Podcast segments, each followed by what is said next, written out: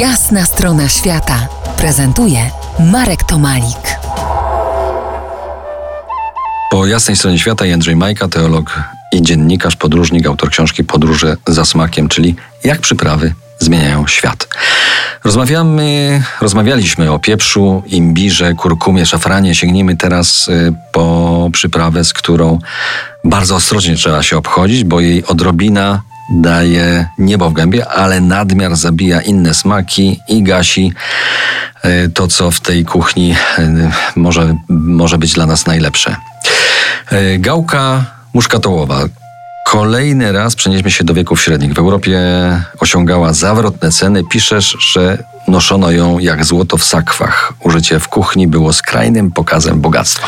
Tak, no dzisiaj jak chodzimy do muzeów, do działów rzemiosła artystycznego, możemy obejrzeć na przykład tarki. Każda szanująca się dama y, nosiła tarkę do mielenia, y, do ścierania właśnie y, gałki ale my do XVI, my Europejczycy do XVI wieku nie mieliśmy pojęcia, jak właściwie rośnie. Kupcy arabscy wmawiali nam, y, że jest to orzech. Jakie musiało być zdziwienie Portugalczyków, którzy przypłynęli do wyspy Banda i, i okazało się naraz, że gałka to jest owoc, gałka to jest pestka, rośnie na drzewach wysokości 20 metrów, że są drzewa y, mężczyźni i drzewa kobiety, że w jednym sezonie jedno drzewo rodzaju męskiego, zapyla 20 drzew rodzaju żeńskiego.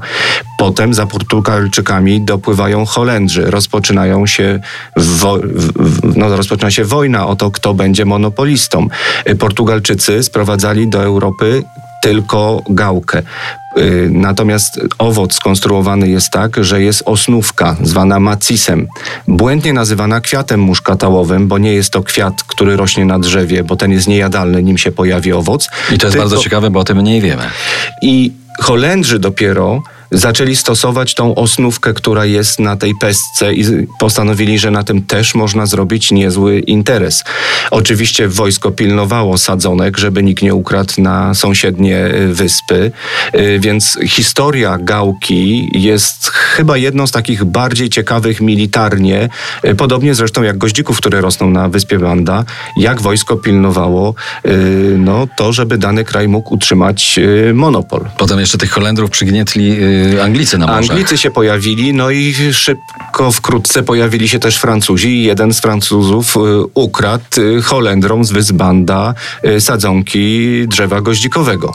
I znowuż mamy też prozdrowotne działanie gałki muszkatołowej na bóle brzucha i jako Afrodyzjak. Oczywiście, zresztą w ogóle mówiąc o przyprawach, bardzo często będzie się tutaj jako ten afrodyzjak y, pojawiał.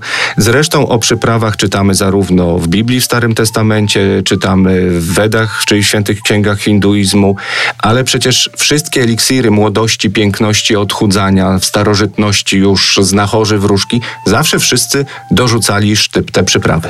Czyli ten nasz świąteczny piernik ze świeżo utartą gałką może podziałać prozdrowotnie. No i noc może być wspaniała. Wiele tych y, opowieści o przyprawach skrywa Twoja książka. Do kilku wrócimy jeszcze, do kilku przypraw wrócimy jeszcze za niejaki czas. Y, zostańcie z nami po jasnej stronie świata.